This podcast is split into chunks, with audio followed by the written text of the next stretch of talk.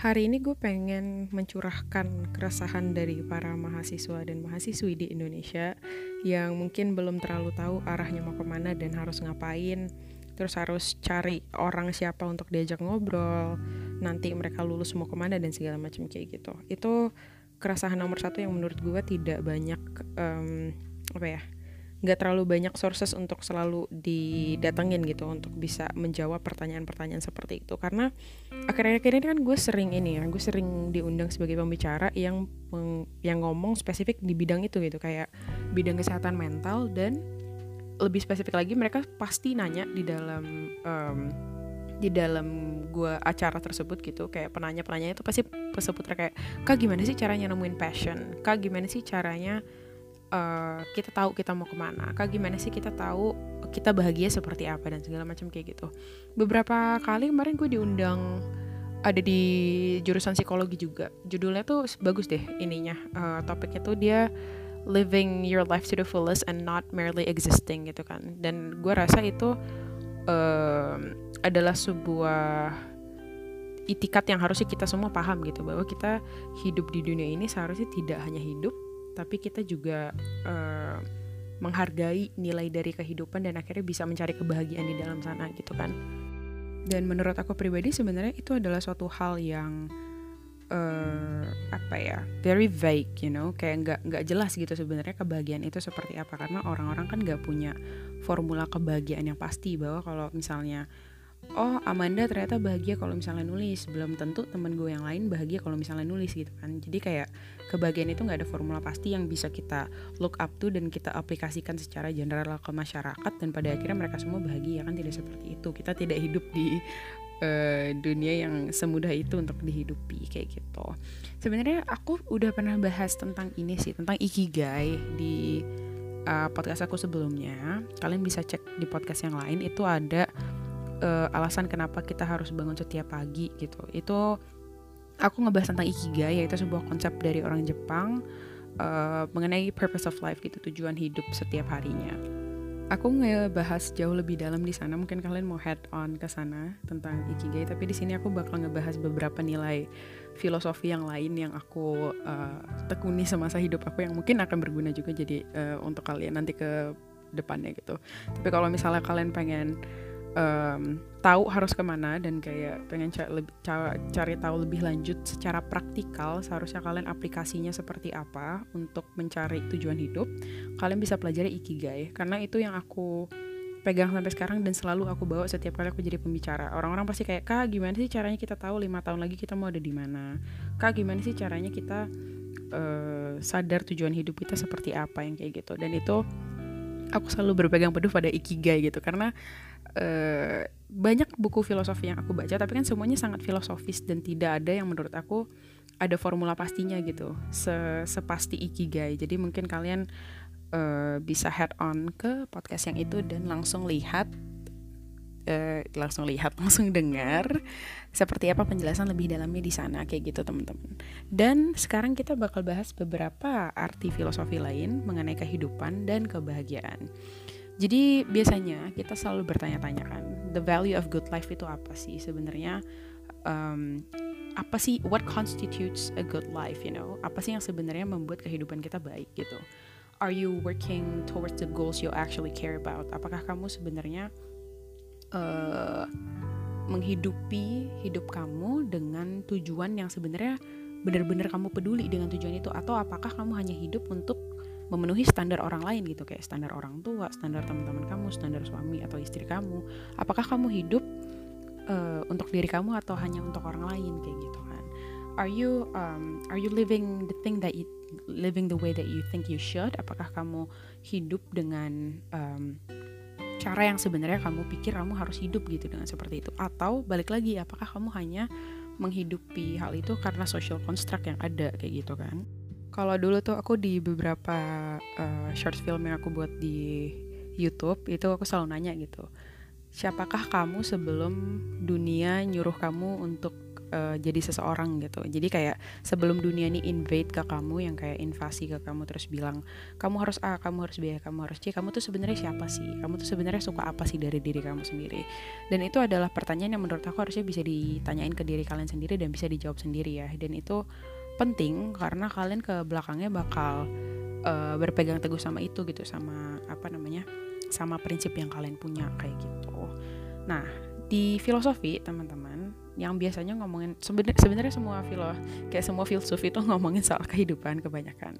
Tapi uh, Socrates bilang bahwa kalau misalnya kalian punya kehidupan yang tidak uh, terexamine dengan baik tidak ter apa ya terevaluasi dengan baik gitu maksudnya kamu nggak punya nilai di segala tindakan yang kalian lakuin maka kehidupan itu tidak pantas kalian uh, hidupi gitu. Dalam artian kalau misalnya kalian uh, ingin punya suatu kehidupan yang berkualitas, maka dari sana kalian harus menaruh nilai di setiap tindakan yang kalian lakukan. Nilai ini apa sih? Virtue itu apa sih dalam sebuah filosofi? Virtue virtue itu adalah sebuah nilai uh, yang menghasilkan hal yang baik pada waktu yang tepat kepada orang yang tepat dan di tempat yang tepat. Itu agak-agak ini sih agak belibet. Cuman kemarin definisinya dari buku terakhir yang aku baca juga seperti itu kan. Bahwa kalau misalnya uh, kalian pengen suatu tindakan itu bernilai ya berarti itu harus ditindakan pada orang yang tepat di tempat yang tepat dan di waktu yang tepat kayak gitu. Dan itu sounds very ini ya uh, utopic gitu. Kayak dia utopis banget menggambarkan bahwa kita harus bisa um, menjadi orang baik setiap saat istilahnya seperti itu. Tapi konsep seperti itu sebenarnya ada gitu. Ada beberapa orang yang uh, terutama eksistensialis kayak orang-orang eksisten uh, eksistensialis yang mendukung kenyataan bahwa kita tuh sepenuhnya penuh uh, kita tuh punya pilihan loh sepenuhnya. Kalau misalnya kita mau ngapa-ngapain jadi kalau misalnya kita nggak bahagia ya kita bisa loh ubah jadi bahagia. Kalau kita nggak baik kita bisa loh jadi baik.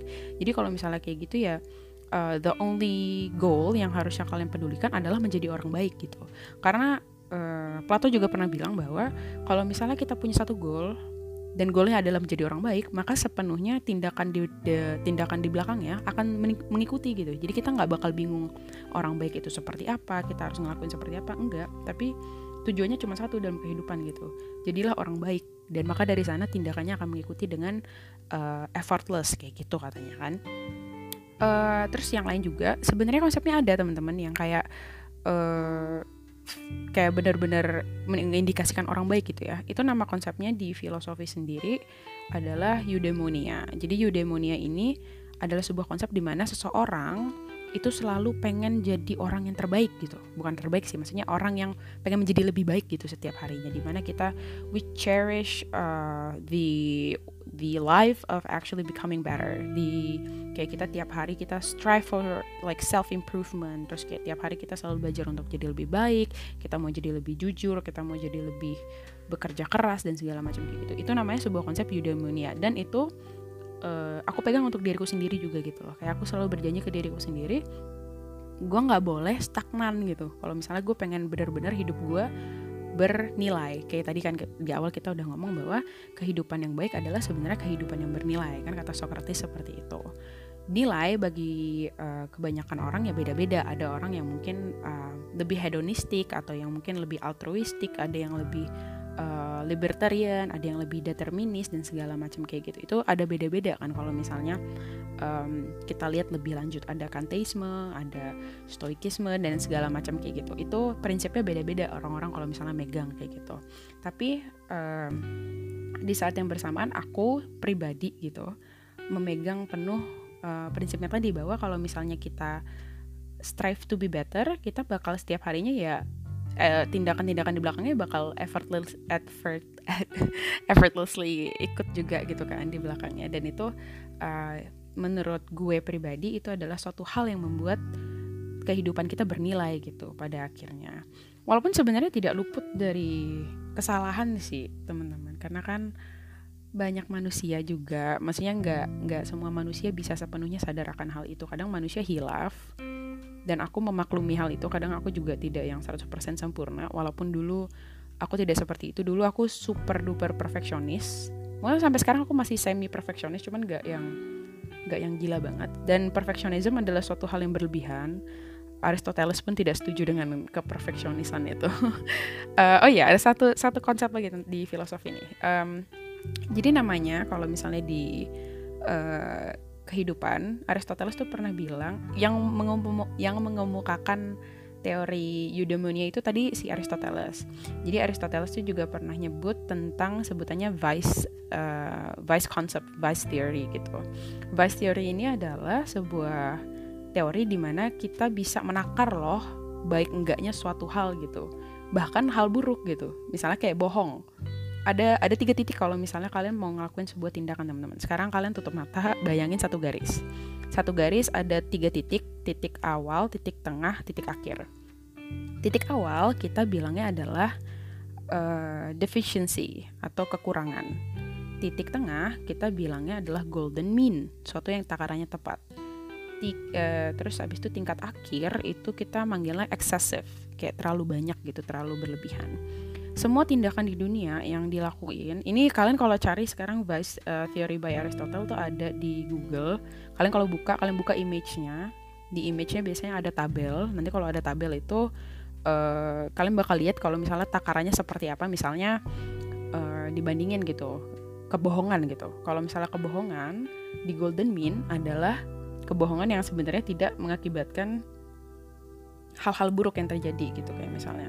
Kalau misalnya kebohongannya terlalu sedikit biasanya kita akan berujung ke hate speech atau kita terlalu jujur dan akhirnya menyakiti perasaan orang lain. Kalau kebohongannya berlebihan kita bisa aja merugikan orang lain dan akhirnya tidak menyebabkan sebuah nilai yang sebenarnya bagus kayak gitu kan teman-teman. Dan itu uh, ada takarannya gitu kalau misalnya mau ngapa-ngapain. Dan itu juga satu konsep yang aku selalu pegang gitu. Oh berarti emang aku harus stay di golden mean di tengahnya seperti apa gitu. Itu ada rumusnya dan kalian bisa cari langsung di Google. Itu ada tabelnya yang tadi aku udah bilang jadi kalian misalnya uh, antara fear sama courage. Kalau misalnya nanti di tengah-tengah golden mean-nya berarti dia uh, keberanian yang pantas dilakukan gitu. Tapi kalau misalnya terlalu berlebihan nantinya kita kasar. Tapi kalau terlalu sedikit berarti kita cowardice kayak gitu kan. Cowardice itu uh, apa sih penakut gitu. Kayak gitu. Itu antara fear sama courage kayak gitu. Dan so on and so forth gitu. Itu ada konsep beda yang aku pakai lumayan sering dalam decision making kalau mau ngapa-ngapain. Gara-gara aku juga kadang aku orang paling payah dalam decision making teman-teman. Jadi kalau uh, kalian berpikir bahwa progres aku untuk menentukan tujuan hidupku itu sangat mudah kalian salah besar karena aku tidak seperti itu.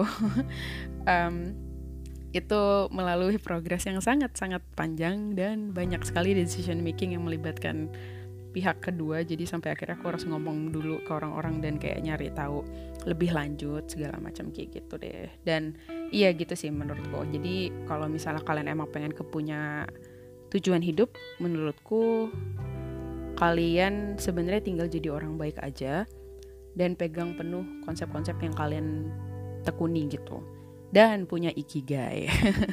Sebenarnya kalau kalian bisa tahu lebih lanjut tentang ikigai itu bakal bagus banget sih teman-teman. Karena ikigai menurut aku untuk mahasiswa dan mahasiswi itu sangat ini ya. Ini untuk anak muda ya kalau misalnya udah kerja ya ya udah gitu. Tapi kalian janganlah menyerah hanya untuk uh, ini. Kalau di ikigai itu kita tidak boleh bekerja hanya untuk dapat duit ya kan ikigai kan ada empat konsep kan uh, what you love what the world needs, what you can give, what can you be, uh, what can you be paid for, um, terus what you're good at gitu. And then kalau misalnya kalian hanya hidup um, hanya untuk supaya tercukupi, itu berarti kalian tidak benar-benar memenuhi tujuan hidup kalian. Karena di ikigai kita dihimbau untuk hidup tidak hanya sekedar hidup, tapi hidup secara nyaman gitu dan itu adalah suatu hal yang berpengaruh di aspek ketiga tadi kan what what you can be paid for gitu. Jadi kalau misalnya kalian emang nyari sesuatu yang berbayar kalian tidak hanya dibayar untuk cukup hidup tapi kalian dibayar untuk nyaman bisa hidupnya seperti apa kayak gitu. Itu juga menunjang uh, konsep-konsep detail tentang ikigai sebenarnya. Dan menurut aku sangat penting untuk kalian bisa tahu hal seperti itu kayak gitu. Sebenarnya banyak itu kalau ikigai kan berpengaruhnya sama diri kalian sendiri ya teman-teman. Banyak uh, dan semua aspek menurut aku masuk di sana karena tidak hanya kontribusi ke diri kalian sendiri tapi kontribusi terhadap orang lain juga ada gitu. Dan ultimately aku pun selalu ngomong di podcast-podcast yang aku datangi dan kayak uh, event-event yang aku jadi pembicara bahwa kita manusia harusnya selalu bertindak minimal untuk diri kita sendiri dan maksimal untuk orang lain. Karena sudah terlalu banyak keegoisan di dunia ini. Kalau misalnya kalian sadar ini dunia kenapa ini gara-gara kita disadarin nih woi? Di, di disodorin dulu gitu. Kayak ini udah egois banget loh dari kemarin. Gak ada mikir soal nggak ada mau mikir soal lingkungan nggak ada mikir soal sosial kalian soal ekonomi orang lain dan segala macam. Lo nggak ada kontribusinya sama sekali satu sama lain woi. Terlalu sering sendiri. Jadinya dikasih tamparan bentar kan. Kayak oh ya berarti kita emang harus lebih peduli satu sama lain. Aku yakin kok kalau misalnya semua orang sadar akan konsep ini dan pelajaran yang dunia dan semesta sedang berikan kepada kita dan bisa mengambil tindakan yang benar terhadap hal itu dan respon yang benar terhadap hal itu um, insya Allah akhirnya bisa reda gitu kan hal-hal seperti ini kayak gitu teman-teman. Jadi iya kalau misalnya kalian mau kayak gitu. Nah tapi ada ada satu konsep lagi nih sebenarnya kayak yang aku pengen ngomongin gitu. Karena kan tujuan hidup orang tuh beda-beda. Ada tujuan orang hidup uh, kalau aku pribadi aku pengen emang pengen kontribusi ke orang lain gitu contohnya. Kayak pengen tadi aku bilang kan aku bertindak minimal untuk diriku sendiri dan maksimal untuk orang lain. Ultimately aku yakin aku bisa bahagia kalau misalnya aku bisa seperti seumur hidupku nanti bisa berguna untuk orang lain. Biasanya ditanya lima tahun lagi lo lihat diri lo di mana sih man? Aku pengen banget kerja di uh, salah satu NGO kalau bisa di yang berhubungan dengan binatang juga nggak apa-apa karena kan I really love animals. So in terms of like uh, working with animals adalah salah satu hal yang aku pengen banget dari dulu. Dan aku juga dari kecil dididiknya dengan di sodorenya tuh kayak Animal Planet terus kayak Nat Geo Discovery Channel and I I've always wanted to actually work uh, directly with the nature juga. Jadi mungkin di salah satu NGO di mana aku bisa kontribusi langsung ke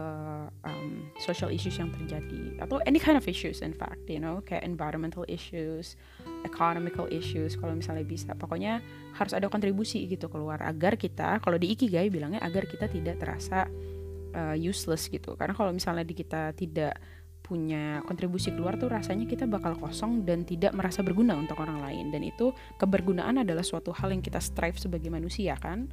Jadi kalau misalnya kita hilang hal itu ya berarti salah satu purpose dari kehidupan kita hilang juga kayak gitu. Jadi kita harus punya kontribusi secara langsung ke sana. Nah konsep yang lain yang pengen gue omongin sebenarnya di sini adalah uh, konsep tentang pasangan. Karena banyak banget menurut gue tujuan hidup dari orang adalah akhirnya nikah gitu kan. Nikah berkeluarga mati gitu. Dan sebenarnya gue mengencourage orang-orang untuk tidak uh, seperti itu hanya seperti itu gitu kan.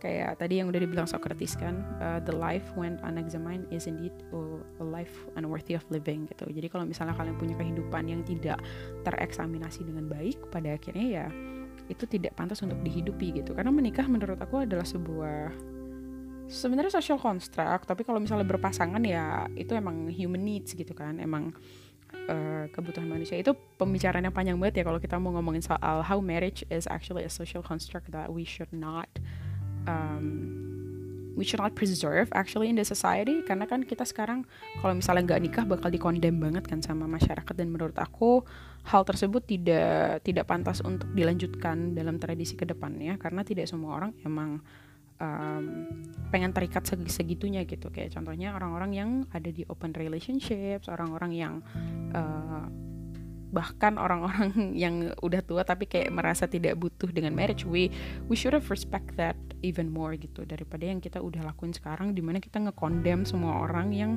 tidak menikah kayak gitu. Nah konsep pasangan nih. Karena seberapa butuh sih kita sebenarnya pasangan di dalam kehidupan kita? Menurutku uh, konsepnya beda-beda per orang, prinsipnya beda-beda. Kayak yang tadi aku udah bilang kan orang-orang setiap hidupnya punya value dan nilai yang mereka tekuni secara berbeda-beda. Nah kalau soal pasangan, uh, kemarin itu aku sempat pelajarin tentang polyamory relationship kan. Jadi kayak relationship di mana itu tidak hanya terjadi secara monogamus secara dua orang tapi terjadinya dari dari kayak dalam satu kelompok yang besar. Bahkan teman-teman bahkan kalau misalnya di suatu persekutuan di suatu cult itu bisa sampai ratusan orang-orangnya benar-benar berhubungan gitu satu sama lain. Dan itu agak aku agak penasaran gitu kayak aku ngerasa gila ya gue uh, berpasangan aja kadang gue ngerasa ini ya kayak nggak kayak nggak bisa aja gitu ngelihat dia sama cewek lain apa gimana gitu. Walaupun sekarang uh, saya sedang tidak berhubungan dengan siapa-siapa cuman kemarin-kemarin kan kalau misalnya gue pacaran gue pasti kayak ngerasa ih gue aja nggak bisa gitu. Kok mereka bisa ya ada open relationship segitunya? Dan se signifikan itu angka orangnya yang berkontribusi di dalamnya kayak gitu. Dan itu brief aja sih teman-teman. Sebenarnya aku nggak pengen ngomongin polyamory relationship cuman kadang gue kayak ngerasa wow ternyata ada sebuah konsep lagi yang baru yang harus kita uh, hargai kalau misalnya orang emang ada yang seperti itu gitu. Bahkan di di dating apps aja kan udah ada pilihan sekarang kan misalnya kayak open relationship atau gimana. Dan itu hal yang surprising menurut aku. Nah, uh, kalau misalnya kayak gitu ya berarti orangnya emang punya prinsip untuk uh, not necessarily mungkin menikah pada awalnya gitu. Dan kalau misalnya mempunyai pasangan nilai untuk mempunyai pasangan untuk dia adalah seperti itu ya harusnya bisa kita hargai juga kan. Tapi di satu sisi ada orang-orang monogamus gitu, orang-orang yang punya prinsip bahwa kita punya satu pasangan untuk seumur hidup. Untuk nikah ya, maksudnya nggak jadi orang-orang yang biasanya monogamus kan orang-orang yang jauh lebih konservatif. Bukan bukan in terms of quality itu jelek tidak. Tapi emang seperti tradisi ya memang seperti itu gitu. Kayak orang-orang monogamus akan akhirnya menikah dan live with their partner uh, satu saja untuk seumur hidup mereka. Karena di agama pun ditentukannya seperti itu terutama di agama yang aku tekuni sekarang gitu kayak Nasrani kan itu orang-orangnya ya pasti satu untuk selamanya gitu bukan yang kita boleh nambah uh, pasangan atau enggak. Tapi ada beberapa agama lain yang mungkin berkonsep yang berbeda dan menurut aku itu gak masalah sama sekali karena itu kayak balik lagi itu cuman balik ke nilai-nilai um, yang kita kita tekuni gitu yang kita percaya yang mana sih sebenarnya gitu. Dan menurut aku mau konsep apa pun kalian tekuni mau mau mau segimanapun kalian tekuni ya pada akhirnya itu kembali lagi ke satu konsep ya. Yang penting gak ngerugiin orang lain. Yang penting kalian gak maksa-maksa orang lain ngikutin uh, apa yang kalian tekuni gitu apa yang kalian pengen gitu ya. Itu nggak masalah kalian mau uh, nge-apply ke mana-mana gitu dan tidak mengefek secara konkret kepada kehidupan orang lain gitu. Jangan sampai kalian tiba-tiba mempropos suatu kerusuhan cuman gara-gara kalian pengen maksa orang lain untuk believe in what you believe. That's not I don't think that's like um, the ultimate thing about uh, living socially you know as a human being. Karena kalau misalnya kita ngerampas hak orang lain ya berarti uh, we're actually declaring kalau misalnya kita juga pantas haknya untuk dirampas dan hal itu kan bukan hal yang baik.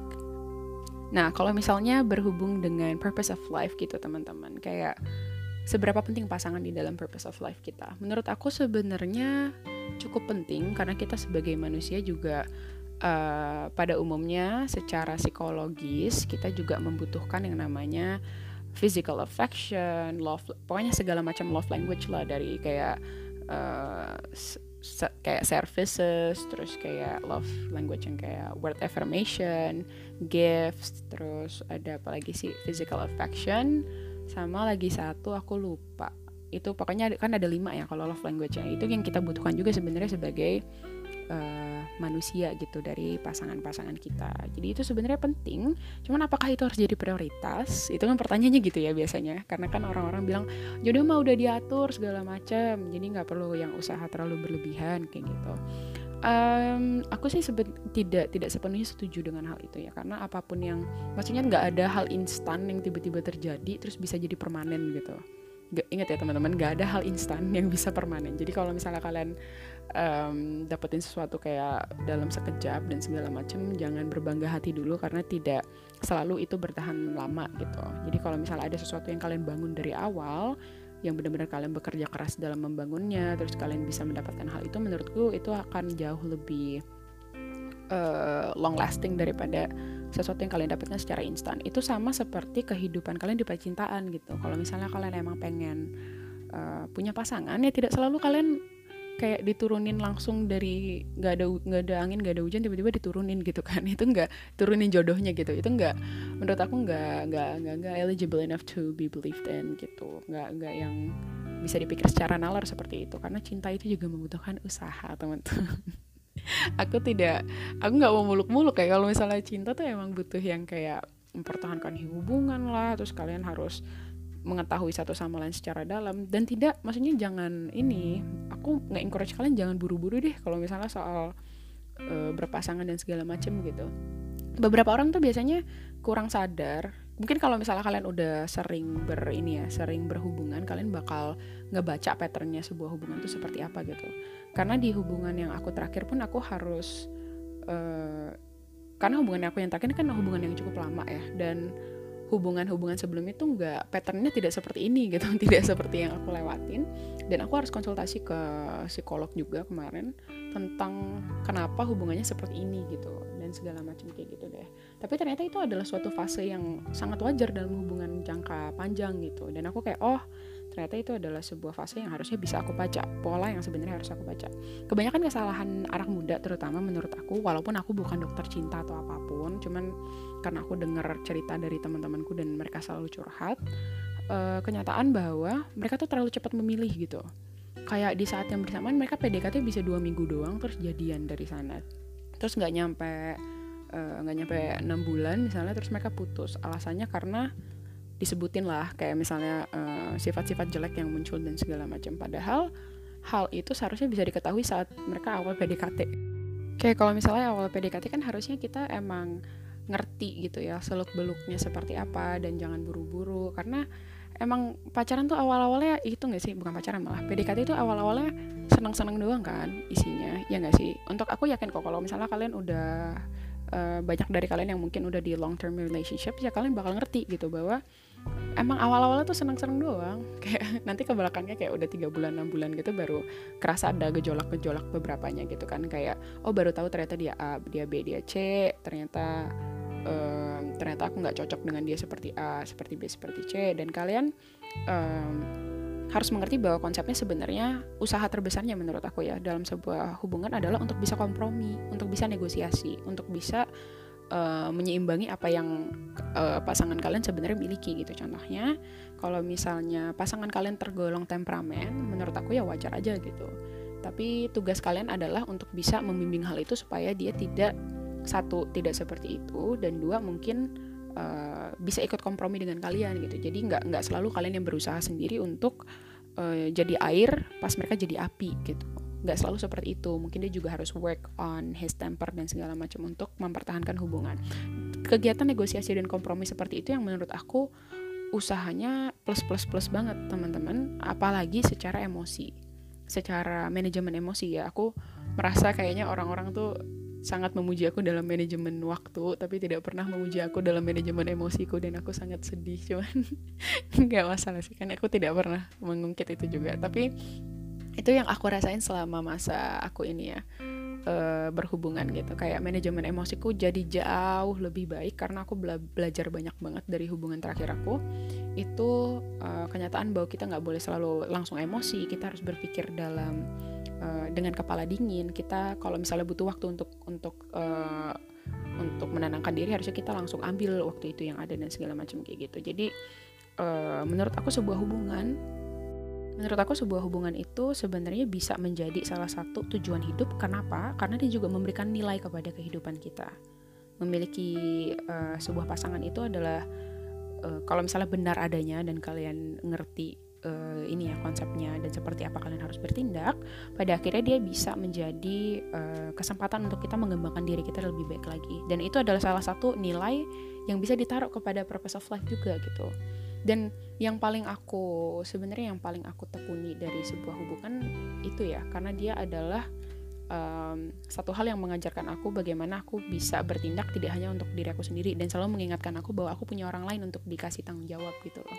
Dan itu uh, adalah hal yang luar biasa kemarin gitu. Dan aku sangat mengencourage kalian untuk tidak denial terhadap hal tersebut. Jangan terlalu mengglorify uh, kejombloan kan? Jangan terlalu mengglorify kejombloan ataupun ketakenan kayak uh, how you're actually taken and have a really I mean I mean like um, seseorang yang emang bisa kalian anggap sebagai pasangan gitu nggak usah diglorify dua-duanya karena dua-duanya punya perksnya masing-masing uh, di timing yang berbeda juga untuk masing-masing orang. Mungkin orang-orang ada yang prefer untuk single sampai umur 35 ya nggak masalah itu emang prinsipnya dia. Kalau misalnya ada orang lagi yang mungkin prefer uh, pacaran atau nikah muda ya nggak masalah itu prinsipnya dia asal dia tidak merugikan orang lain dan bisa mempertanggungjawabkan hal itu gitu. Uh, satu lagi mungkin kalian kalau misalnya mau baca uh, ini ya esaiku tentang nikah muda itu ada di blog aku di blog aku di link di Instagram aku. Aku nulisnya udah lama banget sih kayaknya kema udah kayaknya tulisan pertama aku salah satu tulisan pertama aku deh aku bahas tentang nikah muda dan Indonesia tanpa pacaran. Tuh kalian kalau mau mau baca tuh silahkan ada di sana karena aku merasa cukup muak kalau misalnya dikit-dikit disodori dengan uh, kayak segala keindahan tentang nikah muda dan segala macam dan privilege-nya yang menurut aku sebenarnya tidak aplikatif uh, secara general ke semua hal layak masyarakat gitu jadinya. Iya gitu deh. Kalau kalian mau baca silahkan. Kalian pengen nambah insight mungkin atau kalian pengen ngasih pendapat aku sangat terbuka. Silahkan dibuka esainya. Oke, mungkin segitu dulu teman-teman pembicaraan tentang purpose of life kita dari dua perspektif, yaitu dari pengembangan diri sendiri dan dari mempunyai pasangan atau secara sosial kita harusnya seperti apa. Um, pesan terakhir aku untuk kalian adalah jangan takut mencoba hal baru. Jadilah versi terbaik dari dari diri kalian kemarin setiap harinya. Kalian jangan hidup gitu-gitu aja jangan mau stagnan. Kalian harus punya goal ke depannya. Kalau kalian mau jadi mawapres ke depannya silahkan. Cuman aku tidak menyarankan. Aku aku sih sangat menyarankan kalian untuk menjadi orang yang misalnya oh gue punya mimpi gue pengen ngurangin global hunger. Gue pengen kontribusi langsung ke global poverty. Gue pengen uh, bisa bisa beraksi langsung untuk perubahan iklim contohnya seperti itu. So I think uh, I would encourage you guys to dream bigger kayak a lot bigger than how you already do dream. Dan jadi kayak kalian tidak uh, kalian punya goal yang jauh lebih idealis dan akhirnya semua hal yang kalian lakukan setiap harinya bisa menuju kepada goal tersebut gitu. Dan menurut aku itu akan jauh lebih signifikan daripada kalian punya goal.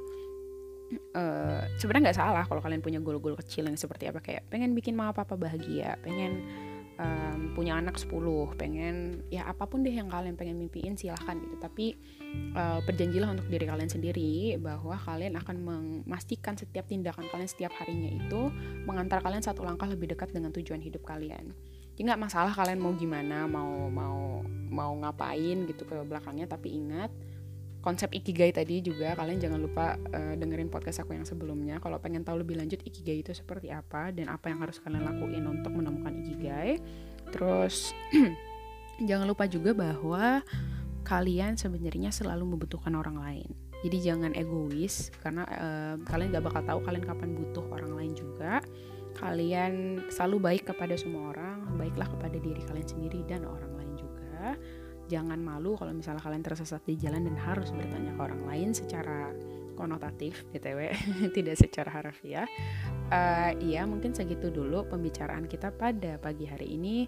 Aku buat ini dari jam 5 pagi btw uh, eh, karena tadi aku bangun early banget 4.30 uh, iya mungkin selanjutnya kalian harus bisa atur sendiri. Abis ini kalau abis denger podcast ini kalian mending menurut aku dan udah denger podcast yang ikigai, kalian coba duduk uh, terus kalian coba buat mind map tentang ke mana kalian akan pergi apa yang harus kalian lakukan abis ini untuk hal itu.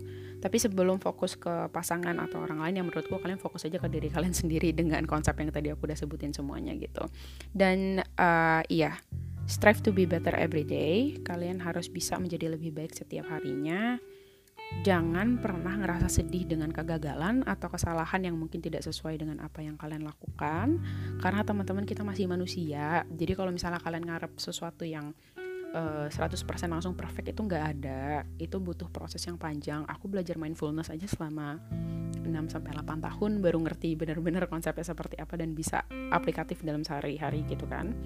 Jadi kalian jangan uh, jangan minder kalau misalnya timeline kalian tuh berbeda dengan orang lain gitu. Kayak orang lain kok cepet banget belajarnya ya orang lain kok bisa A bisa B bisa C. Privilege mereka kok A B C sedangkan aku nggak dapet dan segala macam kayak gitu. Jangan takut kayak gitu. Timeline orang yang berbeda-beda uh, ikhlasin karena keikhlasan adalah kunci dari uh, kehidupan yang berkualitas juga dan kedamaian untuk diri sendiri. Dan kalian harus bisa nerima diri kalian apa adanya. Kalau misalnya nanti uh, kalian emang ngerasa kegagalan atau kesalahan dan segala macam, kalian harus bisa talk to yourself about it. Karena ada tiga respon teman-teman manusia terhadap suatu permasalahan. Kalau misalnya kita kayak ketemu kesalahan atau kita ngerasa kayak jelek apa gimana, itu ada tiga respon manusia yang akan selalu terjadi dan cycle-nya kayak gini. Jadi kita bakal ada overthinking, kita bakal ada self reflection, kita refleksiin diri. Yang ketiga kita ada uh, namanya problem solving yang dua dan ketiga ini adalah sebuah pilihan tapi yang pertama tuh pasti. Jadi kayak emang secara emosional orang-orang kebanyakan waktu kan overthinking tapi yang kita punya pilihan adalah apakah kita akan melanjutkan ke step selanjutnya gitu. Apakah kita akan merefleksikan diri apa yang sudah terjadi ya terus aku breakdown satu-satu dan akhirnya kita bisa ke problem solving. Oh berarti kita penyelesaian permasalahannya seperti A seperti B seperti C kayak gitu.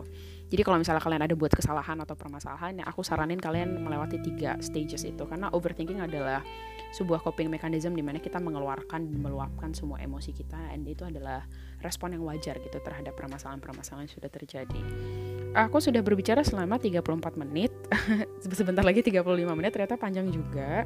Uh, terima kasih sudah mau mendengarkan, terima kasih sudah mau hadir lagi di Ranting Pohon. Aku harap aku bisa semakin rutin karena kemarin-kemarin aku sibuk banget dan tidak bisa menyentuh video YouTube atau podcast atau bahkan nulis esai itu sama sekali nggak ada waktu uh, untuk selanjutnya aku harap kalian bisa hadir lagi di sini dan mendengarkan topik-topik selanjutnya. Kalian kalau misalnya mau nyaranin topik sebuah topik gitu, kalian bisa uh, langsung aja ke DM IG aku atau mungkin ke email aku kalau misalnya mau lebih dibaca karena aku jauh lebih baca email untuk ngapa-ngapain. Uh, ya, jadi kayak gitu. Selamat pagi, jangan lupa kalian sarapan, jangan lupa olahraga, jangan lupa bahagia. Uh, until next time. See ya.